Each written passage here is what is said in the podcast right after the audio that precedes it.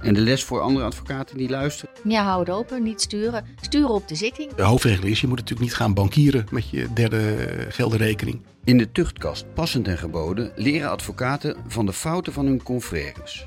Dat hier uh, de advocaten nog een extra regel hebben eigenlijk. Namelijk uh, dat je zeker in familiezaken ervoor moet zorgen dat er geen onnodige polarisatie is tussen ex-echte lieden. Soms heel kort. Daar kan je het mee doen. En vaak toch wat langer. Er is geen rechtsregel die bijstand aan familieleden en bekenden verbiedt. En er is een recht op vrije advocaatkeuze. Nou, dan vervolgt er een enorme maar. En ja, je zou je eigenlijk kunnen samenvatten als beter van niet. Dit is de Tuchtkast Passend en Geboden, een podcast helemaal gewijd aan het tuchtrecht voor advocaten. Deze tuchtkast wordt je aangeboden door het Advocatenblad en onze nieuwe sponsor, hoort u zo meer over. Samen met twee tuchtrecht-experts, advocaten Tjitske Sieremans en Robert Sanders, bespreek ik actuele tuchtzaken. Mijn naam is Erik Jan Bolsjes, ik ben journalist onder andere voor het Advocatenblad. Eh, Robert Tjitske, welkom. Uh, hoeveel zaken gaan we vandaag bespreken? Acht. Acht, hè? Acht zaken. Vier kort, vier lang. Zo is het. Acht zaken in een half uur gaat ons niet lukken. We gaan ons best doen. We zijn bij elkaar voor aflevering 3. We krijgen er aardige feedback op. Um, we hebben ook een samenwerkingspartner in PO Online gevonden. En PO Online is een uh, instituut voor, uh, voor scholing, nascholing van advocaten. Nascholing wanneer het jezelf uitkomt. En ze hebben twee soorten cursussen: actualiteitencursussen en inhoudelijke. En die actualiteitencursussen zijn ook per podcast te luisteren, in podcastvorm te luisteren. Staat op de website, staat een microfoontje achter. En dan weet je dus dat je die ook in een podcastvorm kunt luisteren. Dan moet je daarna nog wel je vragen beantwoorden om de punten te krijgen. Maar uh, nou ja, ik denk dat mensen die deze podcast luisteren, uh, zeker ook op die manier hun, uh, hun punten bij elkaar willen, willen sprokkelen in een jaar. Dus PO online, we zijn er dolblij mee. Uh, jij wilde nog even terugkomen op een, een uitspraak van de vorige aflevering. het was een joint venture waar gedoe was. En um, een adviseur van de joint venture uh, en daarmee ook een, van de, uh, een adviseur van een van de partijen, had een aansprakelijkstelling gekregen van een advocaat. Uh, omdat hij een verklaring had afgelegd waarvan die advocaat vond dat het haaks op de waarheid stond. En bovendien was die getuige adviseur geweest en betaald door de cliënt van die advocaat. Dus ze had gezegd, ja, als je dit doet, dan, um, um, dan ben je aansprakelijk voor de gevolgen. En nou, daarmee is hij te ver gegaan. Het ging over ongeoorloofde beïnvloeding van getuigen. En er is nu net weer een uitspraak van uh, de Raad in Amsterdam uh, van 8 mei, waarin weer opnieuw uh, ongeoorloofde beïnvloeding van getuigen aan de orde is. dat is een zaak waarin um, een, een, verhuurder van een winkelpand probeert om de huurder eruit te krijgen, omdat die huurder overlast veroorzaakt en niet zo'n beetje. Die huurder blijkt, um, nou, er blijken schietincidenten te zijn geweest. In elk geval rondom die winkel. En een, een, een bovengelegen VVE, appartementen. Van die VVE is iemand gekomen, een manager, en die heeft gezegd: Ja, de, de bewoners hier zijn ongerust. Doe er wat aan, verhuurder. En niet veel later heeft die manager een brief gekregen van de advocaat van de huurder. En die zegt: Ja, dit is allemaal bezijden de waarheid. Er zijn helemaal geen mensen die hebben geklaagd. En uh, als jij je verklaring niet intrekt, ga ik aangifte doen. Nou, en toen was dus de vraag: is dit ongeoorloofde beïnvloeding? Nou, als je ziet dat een aansprakelijkstelling dat is, dat is dreigen met een aangifte uh, het ook. En dat, dat is ook zo. En de vraag was hier nog: ja, is dit nou eigenlijk een getuige? Want deze manager was niet genoemd in processtukken of op de een of andere manier aangekondigd. Maar ja, de raad zegt hier toch wel van: luister, dit is iemand, er zijn schriftelijke verklaring van in het geding gebracht. Je weet dat hij misschien, hè, dat is dan sowieso al een getuige. En het feit dat hij niet is aangekondigd in de procedure uh, of niet is opgeroepen als getuige of wat dan ook, dat betekent niet dat we niet te maken hebben met een getuige of een potentiële getuige. Dus ongeoorloofde beïnvloeding. En wat kost dat die advocaat? Oh ja, wat kost het die advocaat? Moet ik even kijken. Wat, een waarschuwing. Het is een waarschuwing. Het is een waarschuwing, ja. Ja, ja het is, het, het, het, er, we hebben geen kernwaarde aangeraakt in deze uitspraak. En dan is, is meestal uh, is de waarschuwing uh, het effect. Ja, okay. Er wordt vooral gekeken naar uh, de, ja, of is voldaan aan de professionele standaard. Ja. In plaats van de vraag of er kernwaarden zijn geschonden. En de les voor andere advocaten die luisteren is dus, nog even kort. Heel voorzichtig als, je, als, je, als er verklaringen worden overgelegd eh, door een andere partij of door je eigen partij. eh, als je eh, mensen aangekondigd ziet of weet dat mensen potentiële getuigen zijn in een kwestie. ehm, eh, ja, geen aansprakelijkstellingen, geen aangifte, althans niet daarmee dreigen. Je mag wel vragen stellen, maar je mag niet sturen. Precies, houd open. Ja, hou het open, niet sturen. Sturen op de zitting. Precies, En niet het- dat gewoon op de zitting. Precies. Je zegt, eh, Ja. wat, En, en, en niet het doen Ja, van, eh, of het dreigen met het doen van aangifte. Als die die verklaring doorzet. Ja. Ja, ja duidelijk. Ja. We gaan snel door. Twee bij elkaar en dan gaat het om een eh, stichting Derde Gelden. Eh, Robert gaat het zo toelichten. Ik heb hem bij het inlezen dacht ik, eh, is dat een derde rekening? Is dat een ander woord voor derde rekening? Ja, zo zou je dat kunnen doen. Ja, en- en, en- ja dat is eh, de, de, de, derde reken, de, ja, de derde geldenrekening inderdaad. Van de Ja, advocaat, dus, van het advocatenkantoor. En daar heeft de verweerder oneigenlijk, hè, de advocaat die aangeslagen wordt nu in die pro- tuchtprocedure, oneigenlijk gebruik van gemaakt. Dan denk ik gelijk, eh, die heeft wat geld in zijn eigen zak gestoken. Dat is helemaal niet waar, maar dat soort zaken komen volgens mij wel vaker langs. Ehm, ik vraag me af of jullie dat wel regelmatig zien, dat daar tuchtzaken over zijn. Zo'n derde geldrekening, dat daar eh, even geld van geleend wordt. Gelukkig niet regelmatig. Op de, de, de, de vele uitspraken die er zijn, een paar keer per jaar. Dus het ging niet om het eigen gebruik, maar hij is wel gebruikt. En eh, als ik het goed begrijp, de cliënt was eh, failliet gegaan, had facturen verstuurd die moesten worden betaald. En die kwamen op de derde rekening van die advocaat. Ja, nou, de advocaat in kwestie die had zelfs eh, instructies gegeven. Dat bedragen, het ging om een vrij groot bedrag van een, van een debiteur. Wat is vrij groot? Nou, dan hebben we het over een bedrag van... Nou, de eerste termijn van de factuur was eh, bijna 24.000 euro. Ging om een aanneemsom. Ehm, en die kon dus eh, niet meer op de bedrijfsrekening van eh, de BV worden gestort... die in zwaar weer verkeerde. Maar uitsluitend nog op de derde rekening van eh, het kantoor van de advocaat... die hierbij betrokken was. Dus wat eigenlijk is gebeurd is dat ja, geld wat eigenlijk op de rekening had moeten komen van, eh, van de, de vennootschap. Dat is dus doorgesluist naar de, de rekening, de derde rekening van de, de advocaat. Maar nog voor het faillissement. Ja, voor Dus het faillissement. Dan is ja. er toch niets van aan de hand? Ehm, nou, dat was. Toch wel. De deken zag dat anders en de curator trouwens ook. Na, ja. Nadat de zaak eh, inderdaad failliet was, eh, was verklaard. Ehm, want er bleef een behoorlijke schuldenlast achter hè, bij- voor de verschillende crediteuren. En dat geld wat op, die, eh, wat op die derde rekening stond, had dus eigenlijk voor die crediteuren moeten zijn. Ja, precies. Ja, dus de curator die vroeg ook aan de advocaat om dat geld wat hij dus had ontvangen op de derde rekening, om dat maar netjes over te maken. Maar daar heeft hij dus geen gehoor aan gegeven. Dus in feite is dat geld wat bestemd was om eventueel ook de, de, de crediteuren van de failliete boedel te voldoen.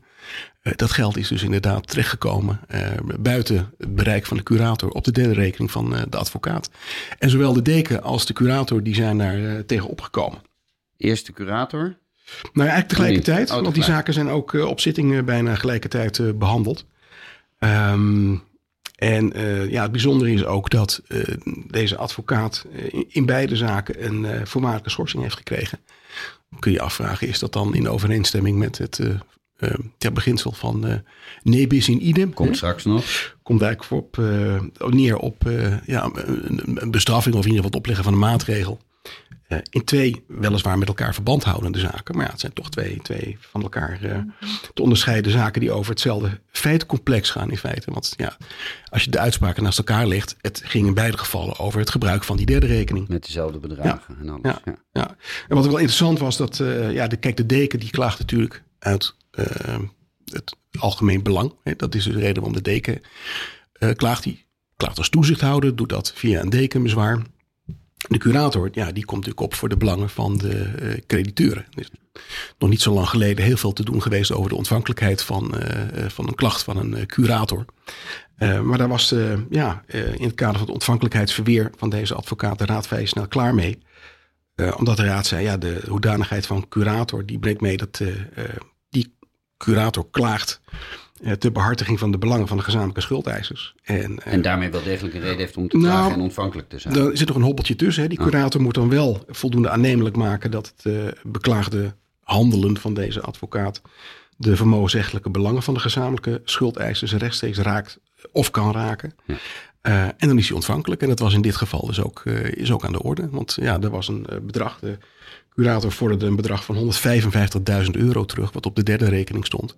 Dus uh, ja, dat, uh, dat was geen Mickey Mouse geld om het zo maar te noemen. Nou, het stond ook niet meer op de derde rekening. Er was, voor een deel was er volgens mij een declaratie op ingehouden. En het was, uh, er waren in elk geval ook bedragen doorgestort naar de holdingmaatschappij van de DGA van dat failliete bedrijf. Ja, ja. nee, dat, dat, dat, dat, klopt. Maar via, de derde, via de derde ja, rekening. Via de derde rekening. En, die advocaat werd dus aangesproken op dat geld wat dus was weggesluist. Ja. Wat heeft die advocaat uiteindelijk voor maatregelen opgelegd gekregen? Nou, in beide gevallen ging het dus om een voorwaardelijke schorsing van twee weken. Um, en als je kijkt naar de maatregeloverweging, dan lijkt het erop dat de raad ook nog enigszins coulant is geweest. Omdat ja, um, de, de, de feitelijke discussie van is hij nou uh, een fout gemaakt of niet, die was vrij snel beslecht. Omdat de advocaat uh, ook op zitting had aangegeven dat hij inmiddels uh, had ingezien dat hij onjuist had gehandeld. Nou, die spijtbetuiging die heeft de raad wel meegenomen in de overweging welke maatregel moest worden opgelegd. Um, dus ja, als hij dat als hij dat niet had erkend op de zitting, dan denk ik dat het wel een onvoorwaardelijke schorsing was geworden. Ook hier de les voor andere advocaten? Ja, eigenlijk is het, is het niet zo vreselijk ingewikkeld. Hè? Want de hoofdregel is, je moet natuurlijk niet gaan bankieren met je derde geldenrekening.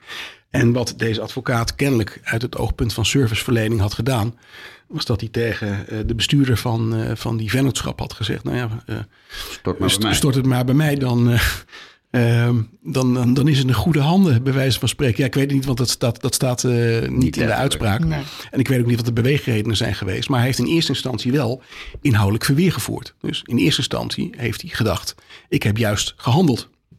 En pas later heeft hij ingezien uh, dat dat handelen niet juist is geweest. Tjitske, jij hebt de, de, volgende zaak voorbereid. Dat is een familiezaak, een echtscheiding. En de verweerster heeft hier opgetreden voor een cliënt die als levenspartner de kantoorgenoot van verweerster heeft. Je ja. moet het bijna tekenen om het te begrijpen. Komt erop neer dat er een, een ex-man, ex-vrouw hebben ook samen een dochter. En uh, de man wil verandering brengen in de financiële situatie voor te voorzien in het levensonderhoud van de dochter. En nu wil hij dat er wordt vastgesteld welke kosten hij precies moet gaan dragen. En hij heeft een advocaat uh, en die zit op een kantoor waar ook uh, een andere advocaat zit. En die andere advocaat uh, heeft een relatie met die man. En dat vertroebelt de zaak. Dus die man heeft een relatie met een kantoorgenoot. Kantoorgenoot van zijn advocaat. Ja. Ja, oké, okay, duidelijk. Ja? Ja. Ja, en uh, nou, dat, uh, volgens de ex-vrouw uh, vertroebelt dat de zaak. en zij heeft het gevoel dat die advocaat van de man wordt gevoed door zaken die plaatsvinden in de familiesfeer. En niet alleen vanuit de man, haar ex-man, maar ook vanuit de nieuwe partner van die man, namelijk de kantoorgenoot van de advocaat.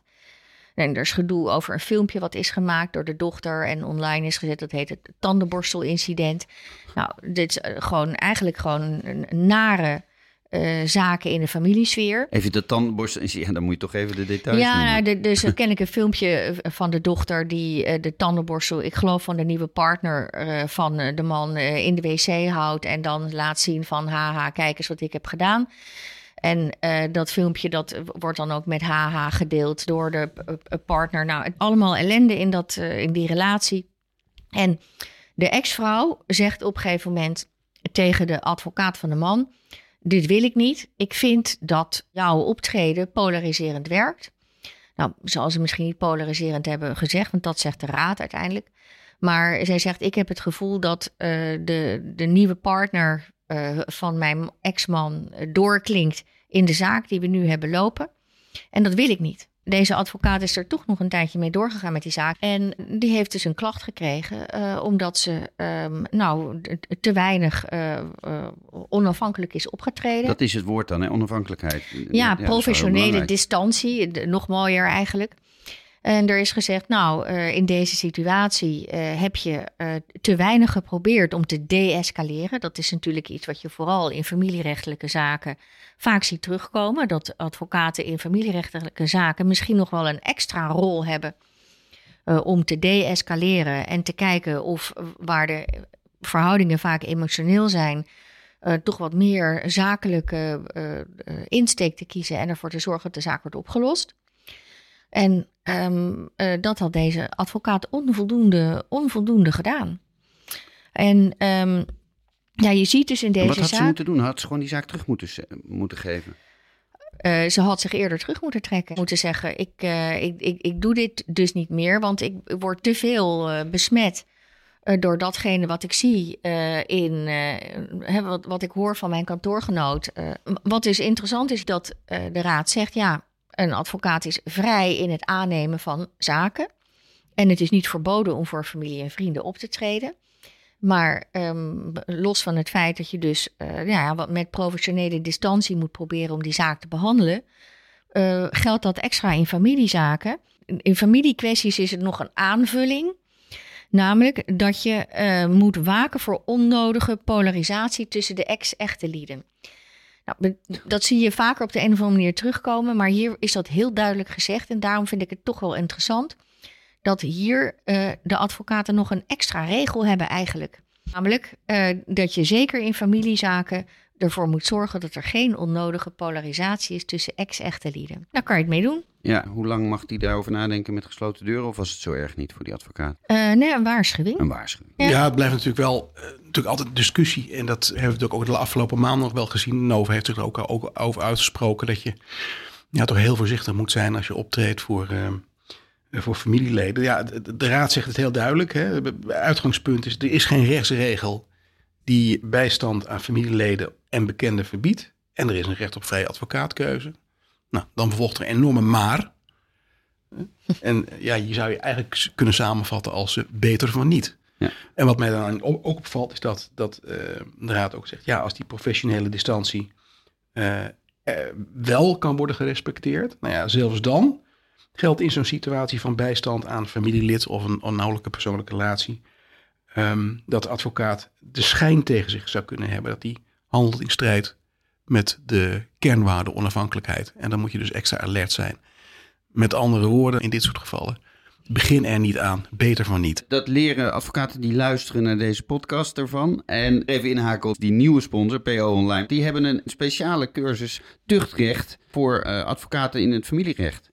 Dus, en wij hebben heel vaak familierechtszaken, dat daar kwamen we vorige keer ook al achter. Daar spelen de meeste tuchtzaken. Dus als je daar nou eh, naast eh, naar ons luistert, dat moet je natuurlijk gewoon blijven doen. Meer over wil weten, moet je naar PO Online gaan, daar een cursuspakket afnemen. En dan in ieder geval de cursus eh, tuchtrecht voor familierechtadvocaten. De familierechtadvocaat en het tuchtrecht heet die gaan volgen. Na afloop van deze cursus heeft u inzicht in de valkuilen die specifiek voor een familierechtadvocaat in het tuchtrecht bestaan. Bent u op de hoogte van de meest recente jurisprudentie op de voor u elementaire onderdelen en kunt u een gegronde klacht beter voorkomen. De wat langere zaken die we gaan bespreken. Eén daarvan is er een van Tjitske. Die gaat over ook weer familierecht. En dan een vrouw die haar zoon wil meenemen op reis. Maar de man werkt volgens haar niet snel genoeg mee. Nou, zij laat direct een kort geding aanspannen en trekt dat ook net zo snel weer in. En is daarmee de vraag ook weer, die polarisatie, is die niet onnodig eh, ja, groter gemaakt, zeg maar? Ja, maar het had hier niet te maken met eh, eh, een advocaat die voor vrienden of familie optreedt. Dus dus dat, dat speelde hier niet. Wat hier interessant is, is dat de gedragsregel getoetst is. Dat een advocaat altijd moet overwegen of een minderlijke schikking mogelijk heeft. En dat hij in, in heel veel situaties de voorkeur verdient boven een procedure. En dat is een regel die we niet zo heel vaak getoetst zien. Dat is ook moeilijk. Het is natuurlijk moeilijk om in de huid te kruipen van de advocaat eh, die een zaak aan het doen is en die daar een tegenstander treft die eh, eh, op de een of andere manier tegenstribbelt. Heb je altijd genoeg gedaan om een, een, een minderlijke regeling te bereiken? Kun je heel kort iets van de achtergrond van Ja, zaak schetsen? ja zeker. Een, een, een minderjarige jongen heeft een Nederlands paspoort en kennelijk ook een wit-Russisch paspoort. Dat wit-Russische paspoort had hij in elk geval. En eh, er wordt een nieuw wit-Russisch paspoort aangevraagd door de moeder. Eh, daar komt de vader achter en die geeft op een gegeven moment ook aan van... hé, hey, eh, waarom heb ik dat niet eerder gehoord? Ze zijn gescheiden, hè, die ouders. Ja, ze zijn gescheiden. ehm, en ehm, de, de, de vader vraagt, had ik daar geen toestemming voor moeten geven? Op een gegeven moment komt de moeder aan met een toestemmingsformulier. Niet voor dat paspoort, maar voor een vakantie in Turkije. En de vader zegt dan, ja, eh, hoezo Turkije? Eh, hoe zit dat nou met dat Wit-Russische paspoort?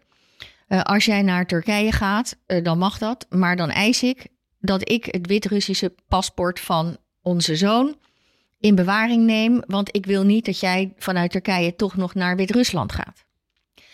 En nou, hij stelt dus een voorwaarde aan de toestemming om met het kind op vakantie te gaan. En de vrouw is het daar niet mee eens.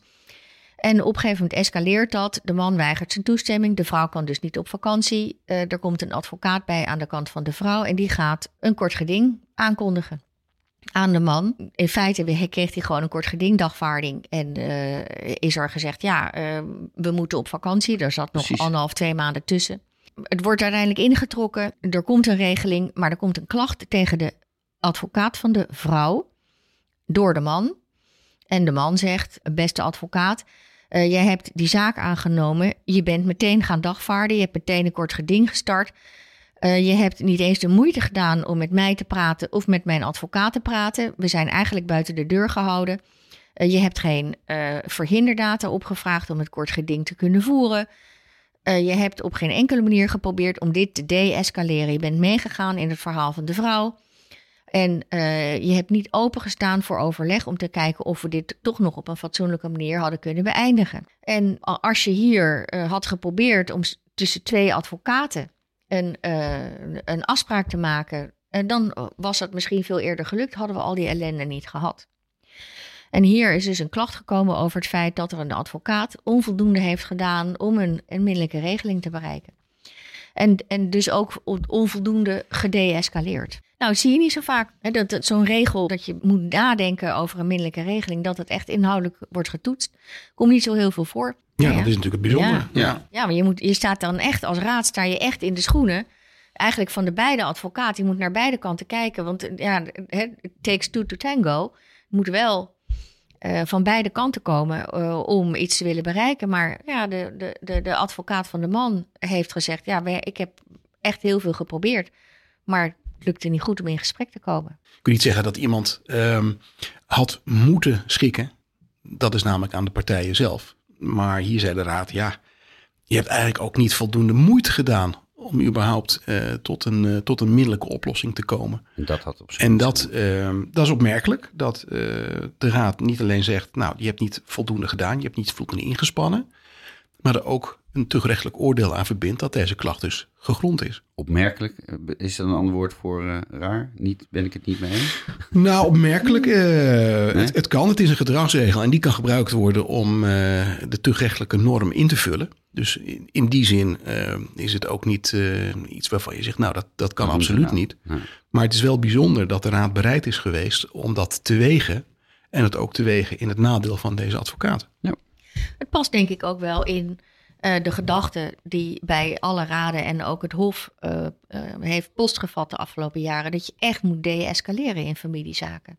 Ja, tegelijkertijd zou je ook het kunnen zeggen. Het kan heel moeilijk zijn. Ja, dat het ook niet zoveel verbazing zou moeten, zou moeten wekken, omdat ja, het, het streven naar een oplossing van een geschil, en niet als een verlengstuk van je cliënt met gestrekt been ingaan en maar gelijk met de bottebel gaan procederen, ja, dat dat misschien toch wel de, de, en een van de essentiële uh, taken of rollen is die je als advocaat kunt vervullen in ons rechtsbestel. Is het nou juist niet de taak van een advocaat om te kijken of je met enige, hè, daar is die weer de professionele distantie, met enige afstand kunt kijken of je uh, de angel uit de zaak tussen de partijen kunt halen. We hebben een, uh, een andere zaak en een langere zaak waar Robert ingedoken is. Daar heeft een klager al vijf keer geklaagd over deze advocaat. En hij heeft geklaagd over het feit dat hij een memorie van grieven in een arbeidszaak zonder overleg en toestemming heeft ingediend. Waarom vijf keer klagen en kan dat, Robert? Nou ja, het kan, je ziet het. de vraag is alleen, ja.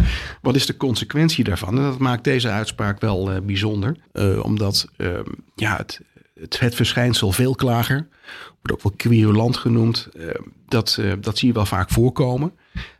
vaak gedreven door emotie, woede, uh, verontwaardiging, gevoel van onrecht. Uh, gevoel van onrecht. Uh, en ook de laagdrempeligheid van het tuchtrecht. Want je betaalt 50 euro griffierecht en dan, dan, is de trein vertrokken. Dus je kunt wat dat betreft vrij laagdrempelig klagen. En het bijzondere is dat de, de, de voorzitter die deze zaak heeft behandeld, voorzitter van de Raad van Discipline, daar toch wel enige paal en perken heeft willen stellen. Even de, de achtergrond. Ja, de eerste klacht kwam eigenlijk voort uit de gedachte dat de advocaat een beroepsfout had gemaakt. Nou ja, dat is niet ongebruikelijk. Dat is wel vaker de aanleiding voor een klacht. Maar ehm, ja, de relatie tussen deze advocaat en zijn uh, voormalige cliënt, ga ik maar even vanuit, die escaleerde dusdanig dat uh, er werd een klacht ingediend. Uh, advocaat heeft vervolgens aangifte gedaan wegens stalking. Ehm, klager is vervolgens uitgenodigd, zoals dat heet, door de politie om als verdachte te worden gehoord. En heeft vervolgens op zijn beurt weer aangifte gedaan wegens het doen van een valse aangifte door de advocaat. Dus de sfeer was al redelijk redelijk uh, fysiek, zal ik maar zeggen. Gepolariseerd. Um, gepolariseerd. en dan volgt er eerst ja, een, een, een, een eerste klacht. Die gaat dan over de kwaliteit van de dienstverlening.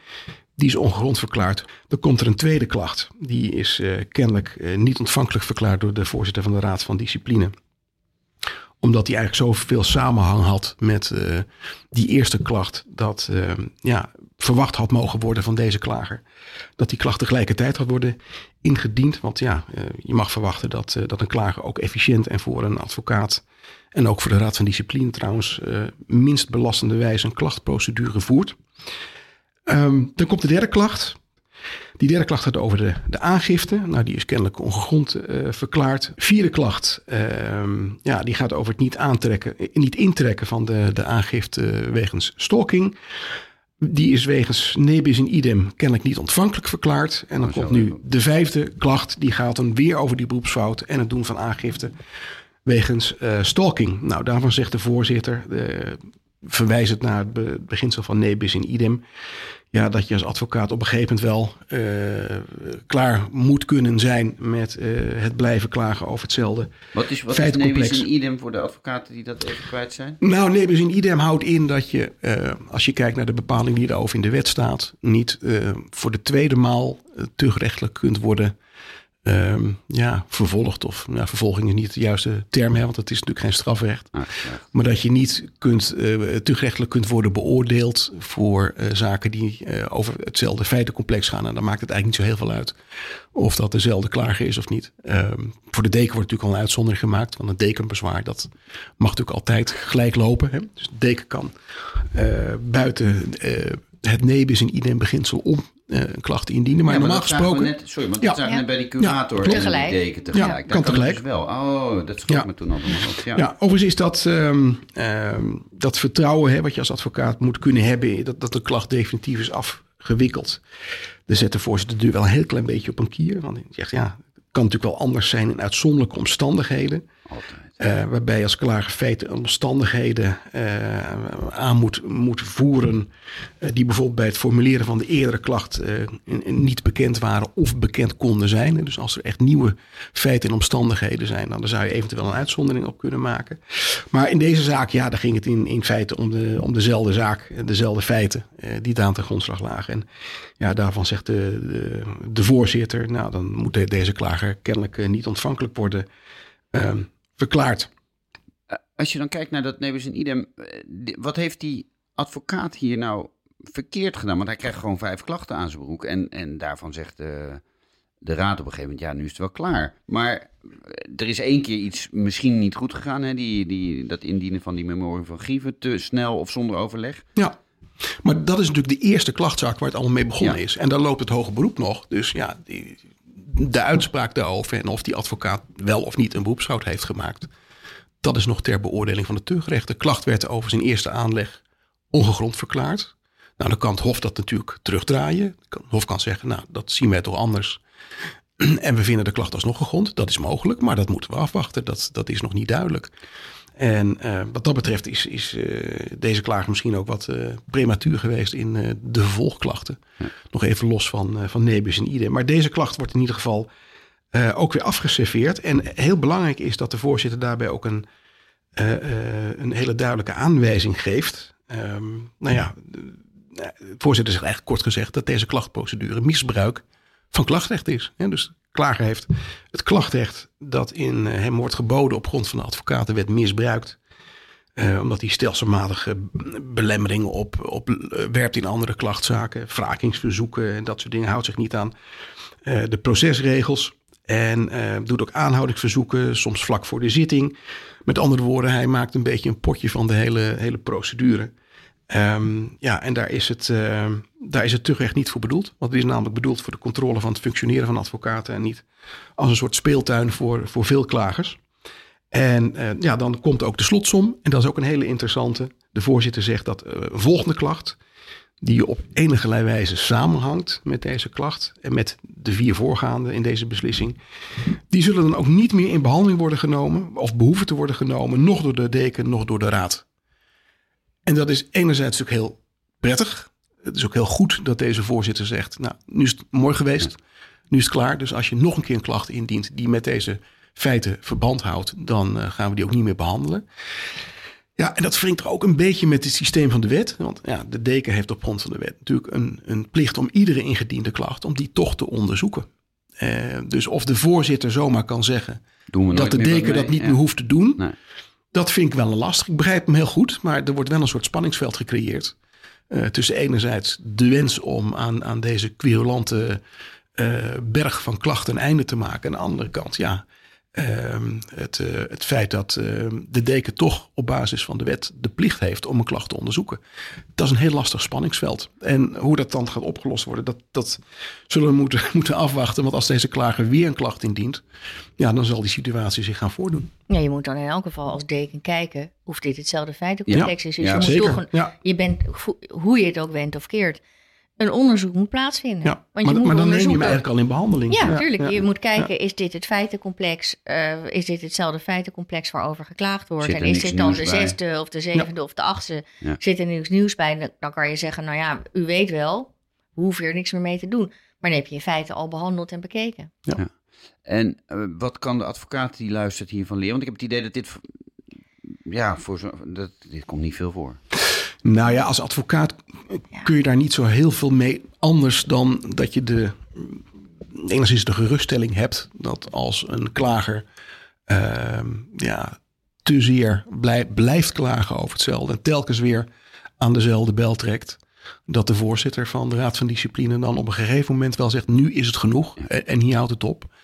En ehm, het, het label misbruik van klachtrecht dat is natuurlijk best wel een zwaar oordeel. Hè? Want eigenlijk zegt de deken van ja, of de, de voorzitter zegt hier: eh, klagen, je mag niet meer klagen.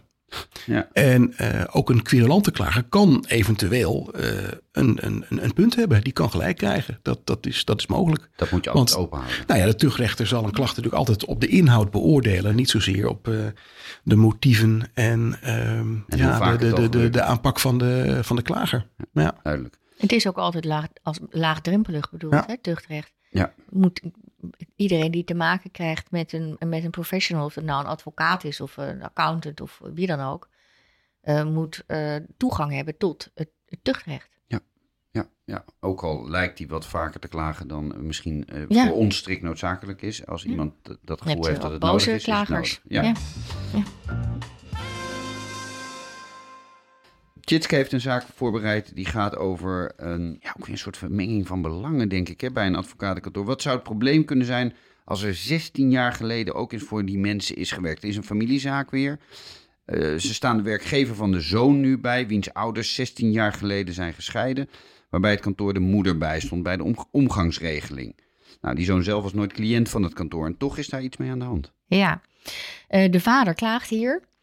En eh, de vader zegt, ehm, ja, eh 16, 17 jaar geleden eh, heeft er een kwestie gespeeld met een omgangsregeling eh, van mijn zoon, onze zoon. En ehm, die zoon werkt nu bij een bedrijf. En voor dat bedrijf treden op twee advocaten van hetzelfde kantoor. En ehm, die advocaten die, die starten dus een, een, een, een zaak tegen die zoon. Die zoon moet eruit. En eh, de vader zegt, ja, dat kan dus niet. Want ehm, eh, jullie hebben hier een zaak behandeld. Volgens mij was het een, een zaak voor de vader en niet voor de moeder op dat kantoor.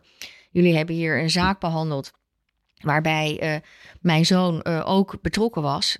namelijk de omgangsregeling tussen mij en mijn toen inmiddels ex-vrouw.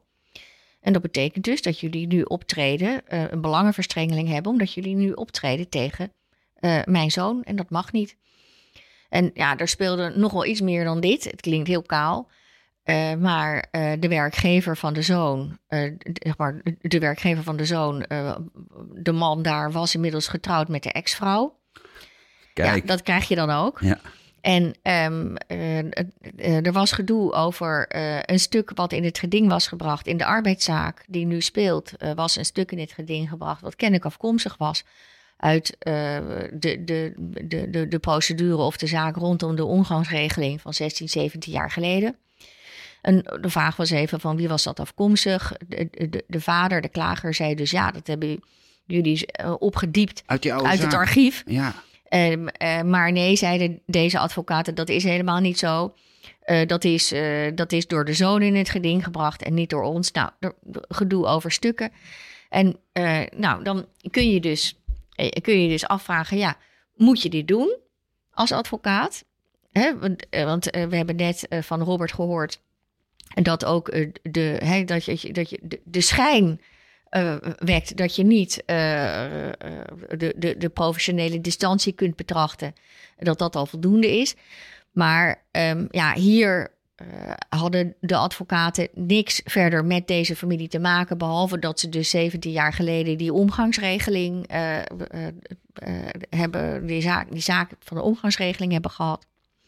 En um, is ook gezegd door de raad: dit mag, dit is geen belangenverstrengeling. Het feit dat je ooit voor de zoon bent opgetreden. Althans, dat de zoon onderdeel was van de omgangsregeling, betekent niet dat je voor de zoon hebt opgetreden.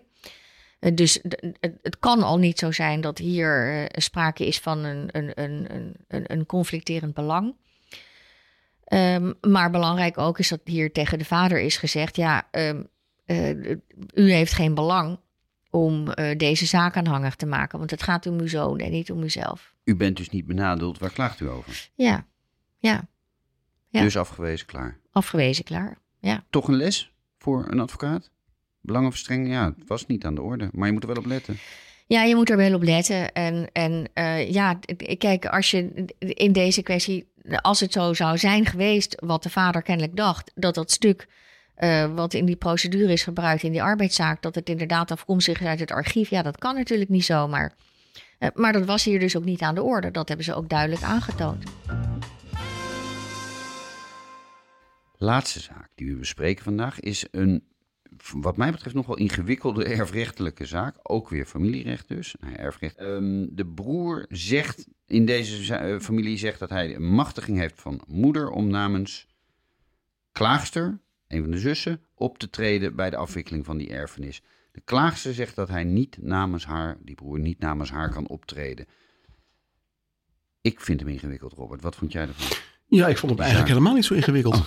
ik vond het wel meevallen. Als je was dat niet mijn favoriete nou, vak dan? Als je, de, als je de zaak een beetje plat slaat en ook even, even los van, van, die, van die erfrecht kwestie, want dat is eigenlijk meer de context. Tuurlijk. Zoon van een overledene, die uh, meldt zich bij een advocaat wilt u me helpen bij uh, een, een, een, geldleningskwestie met een derde. Um, en die, die, die zoon die heeft een algemene volmacht meegebracht uh, van zijn moeder. En hij zegt ook dat hij optreedt voor uh, de andere erven die hem hebben gemachtigd om, uh, om namens hen op te treden. Um, dan wordt er een beslag gelegd bij, bij die derde. Um, en uiteindelijk meldt de zus van de broer zich en die zegt, nou ja, ik heb vernomen dat er een beslag is gelegd. Maar dat beslagrequest dat is zonder mijn medeweten en opdracht bij de rechtbank ingediend. Ehm, en dan ja, zit de advocaat natuurlijk in een, in een lastig pakket, want die heeft toch dat beslagrequest ingediend namens een aantal partijen. En een van die partijen zegt, ja, it wasn't me. Dus die, ik, heb, ik heb daar verder niks mee van doen. Maar wilt u mij wel dan het dossier geven omdat u dat beslagrequest mede namens mij heeft ingediend. Ja, dan zegt hij, ja, dat moet ik dan weer eerst met de broer overleggen of dat mag. Nou, uiteindelijk komt eruit dat eh, dat, dat, wel, dat, dat wel kan.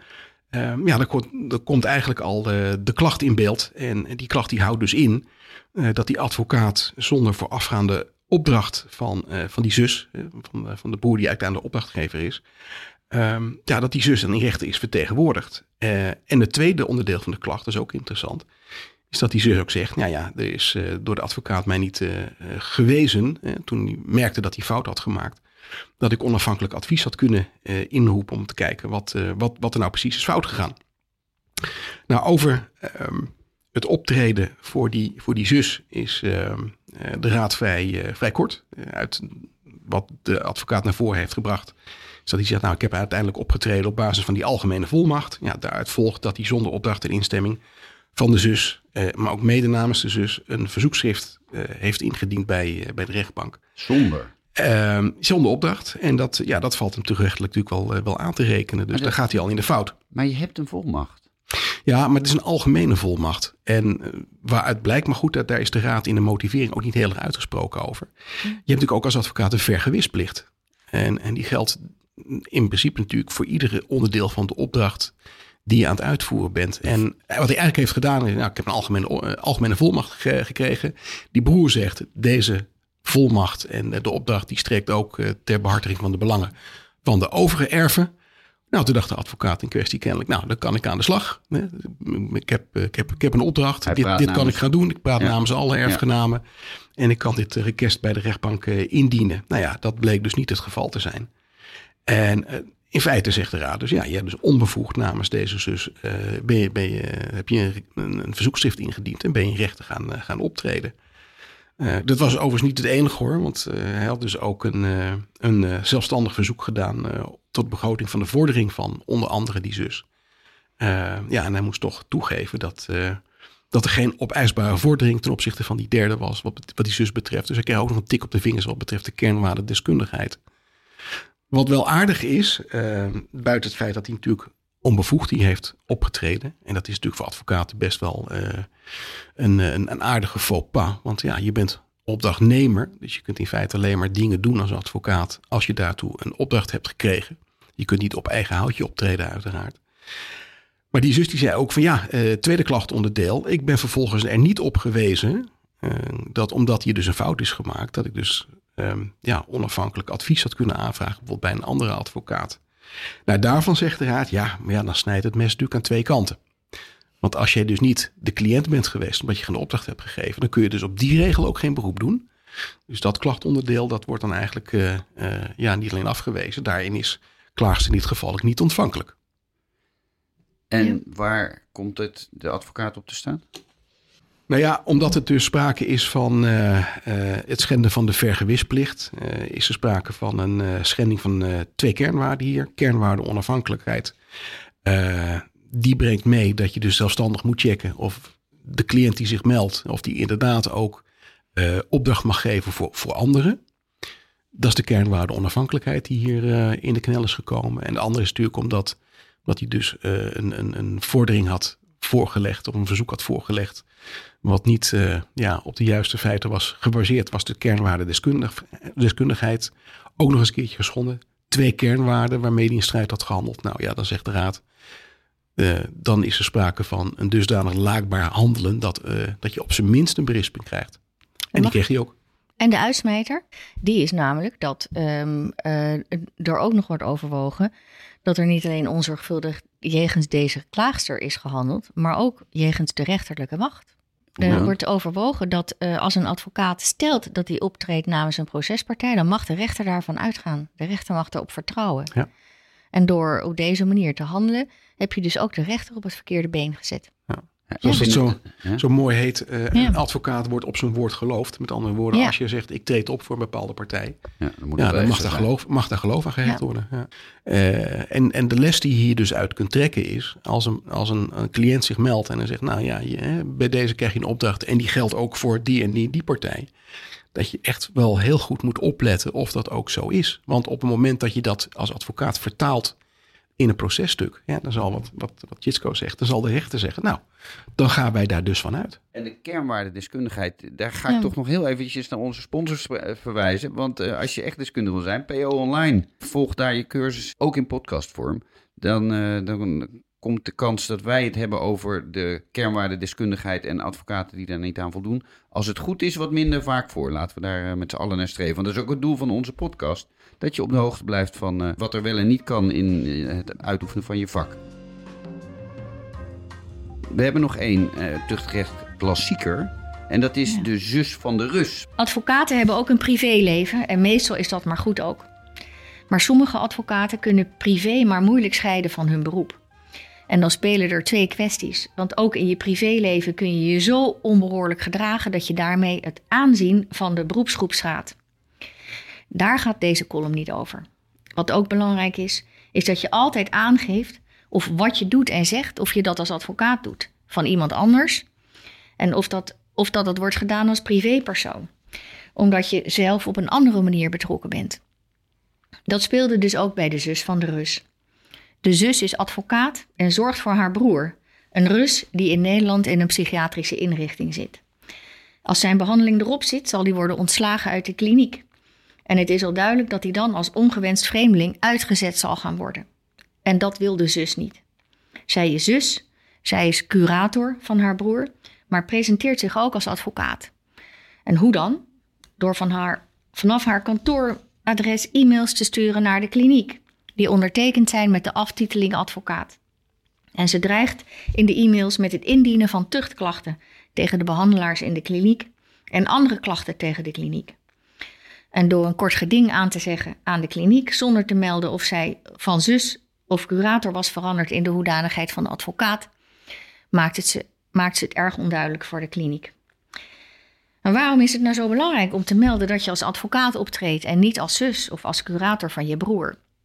Uit de gedragsregelen volgt dat dat moet, omdat die hoedanigheid bepaalt of je aan de gedragsregels en de kernwaarden gebonden bent en welke dan precies van toepassing zijn.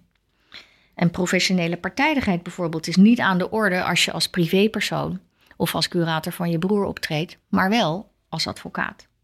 En wederpartijen moeten gewoon weten waar ze aan toe zijn. En dat is in deze zaak heel lang niet duidelijk genoeg geweest. Pas toen de kliniek vroeg in welke hoedanigheid deze advocaat eigenlijk optrad, zei ze: Ik ben curator van mijn broer. En ik ben niet advocaat van mijn broer. Voor die tijd was dat onduidelijk. En aangezien uh, deze zus voor die tijd die onduidelijkheid had laten bestaan en dus mogelijk ook als advocaat was opgetreden, in haar presentatie in elk geval de mogelijkheid van advocaat had laten bestaan, kon ze voor die periode tuchtrechtelijk beoordeeld worden als advocaat. En gegeven de onduidelijkheid die ze liet bestaan, kreeg ze een waarschuwing. Het is niet de eerste keer dat een advocaat onduidelijk is over zijn of haar rol of van kleur verschiet, want dat kan natuurlijk ook. En voorbeelden in familieverband, in de vriendensfeer, als bewoner binnen een VVE, ze zijn allemaal te vinden. Het begint vaak met de beste bedoelingen, maar voor je het weet is niet meer duidelijk of je als zus of als vader, als vriend of als vijand optreedt. Of dat je een rol als advocaat vervult. En dan heb je een klacht of erger, een maatregel aan je broek. En zo was het dus ook met de zus van de Rus. U luistert naar de podcast De Tuchtkast, passend en geboden. En als je er meer over wil weten en vooral ook de link naar de uitspraken die we besproken hebben, die staan allemaal in de show notes. Laat ons weten wat je ervan vindt. Abonneer je in je favoriete podcast-app en mail eventueel met vragen of tips naar redactie.advocatenblad.nl. Over een maand zijn we er weer. Dank voor het luisteren.